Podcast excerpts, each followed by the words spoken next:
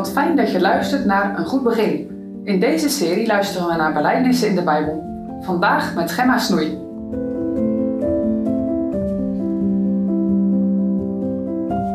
De belijdenis van Jacob. Werken. We lezen Genesis 33, vers 9 tot en met 11. Maar Esau zei: Ik heb veel, mijn broeder, het zij het uwe, wat gij hebt.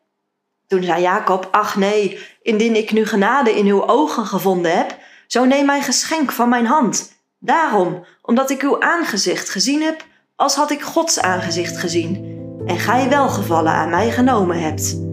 Neem toch mijn zegen, die u toegebracht is, terwijl het mij God genadiglijk verleend heeft, en terwijl ik alles heb. En hij hield bij hem aan, zodat hij het nam.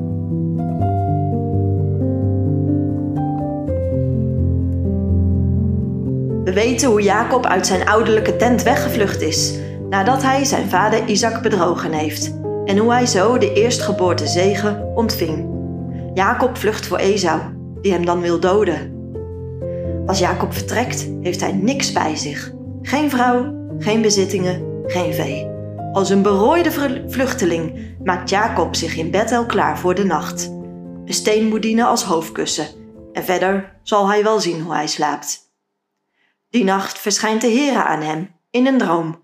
De Heere zegt dat hij de God van Abraham en Isaac is en het land waarop Jacob nu ligt te slapen van hem en zijn nageslacht zal zijn. Als Jacob ontwaakt, is hij diep verwonderd. Jacob doet God een gelofte, waarin hij de Heere vraagt om voedsel, bescherming en kleding. Hij belooft de Heere dat hij een tiende deel van alles wat hij ontvangt aan God zal teruggeven als God dit gebed verhoort. Jacob reist verder en komt aan op zijn eindbestemming, bij zijn oom Laban. Laban vraagt Jacob of hij voor hem wil werken en hem wil helpen bij de schaapskudde. Maar Jacob wil echter geen loon ontvangen, maar trouwen met Labans jongste dochter, Rachel. Maar hoe kan dat? Jacob is een man zonder geld of bezit. Hoe gaat hij ooit die bruidschap betalen? Door zeven jaar voor Laban te werken en daarna mag hij met Rachel trouwen, spreken Laban en Jacob af. Vanaf het moment dat Jacob bij Laban werkt, neemt Labans rijkdom toe. God zegent Laban door de aanwezigheid van Jacob. Laban heeft veel schapen en geiten en sinds de hulp van Jacob is zijn kudde flink uitgebreid. En dan wil Jacob met zijn gezin weer terug naar Canaan. Maar Laban wil Jacob en de bijbehorende zegeningen niet kwijt. En vanaf dat moment gaat Jacob eindelijk loon verdienen. Alle zwarte schapen en gespikkelde en gevlekte geiten uit de kudde worden Jacobs eigendom. En daarmee kan hij zijn eigen kudde opbouwen. Laban denkt hier voordeel in te zien en stemt in met Jacobs voorstel. Laban verwacht namelijk dat er de komend seizoen maar weinig gevlekte en gespikkelde dieren geboren zullen worden. Maar God zegent Jacob rijk en zijn kudde breidt snel uit. Ook Laban ziet dit en hij besluit de afspraak om te draaien. De gespikkelde en de gevlekte dieren zullen voortaan van hem zijn. Tot tien keer toe wijzigt Laban de afspraken. Ondanks het sluwe gedrag van Laban wordt Jacob een rijk man. In het laatste vers van hoofdstuk 30 lezen we dat hij veel dienstknechten, dienstmeisjes, kamelen en ezels bezit.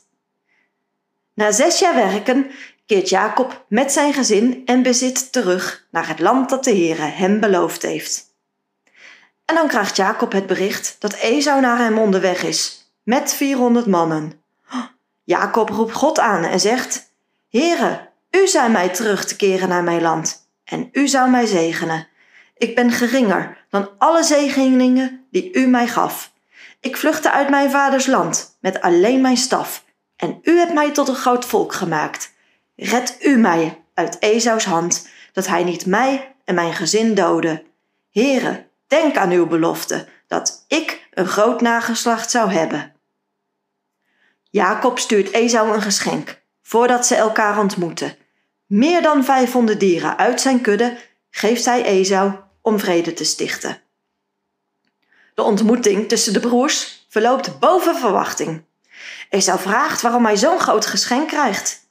En dan komen we bij onze tekst van vandaag, de belijdenis van Jacob. Neem toch mijn zegen, die u toegebracht is, omdat de Heere het mij genadig gegeven heb en ik alles al heb. Wat is dit een diepe belijdenis van Jacob. Niet door zijn inspanningen en werken heeft hij zoveel bij elkaar vergaat, maar doordat de Heere hem zegende. Let ook op het woordje alles, terwijl ik alles heb. Jacob heeft niet alleen rijkdom op de aarde, maar bovenal een schat in de hemel, die door niemand geroofd kan worden. De Heere is zijn deel.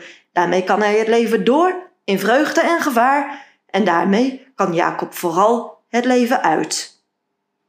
Hoe ziet jouw leven eruit?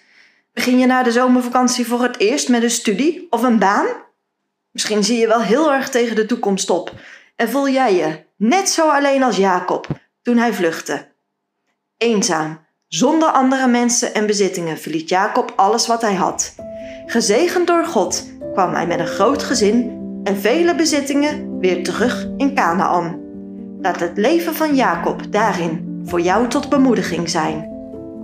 Kun jij bij alles wat je hebt zeggen: Ik heb alles, omdat de Heere mijn deel is? Zalig hij die in dit leven Jacobs God ter hulpe heeft.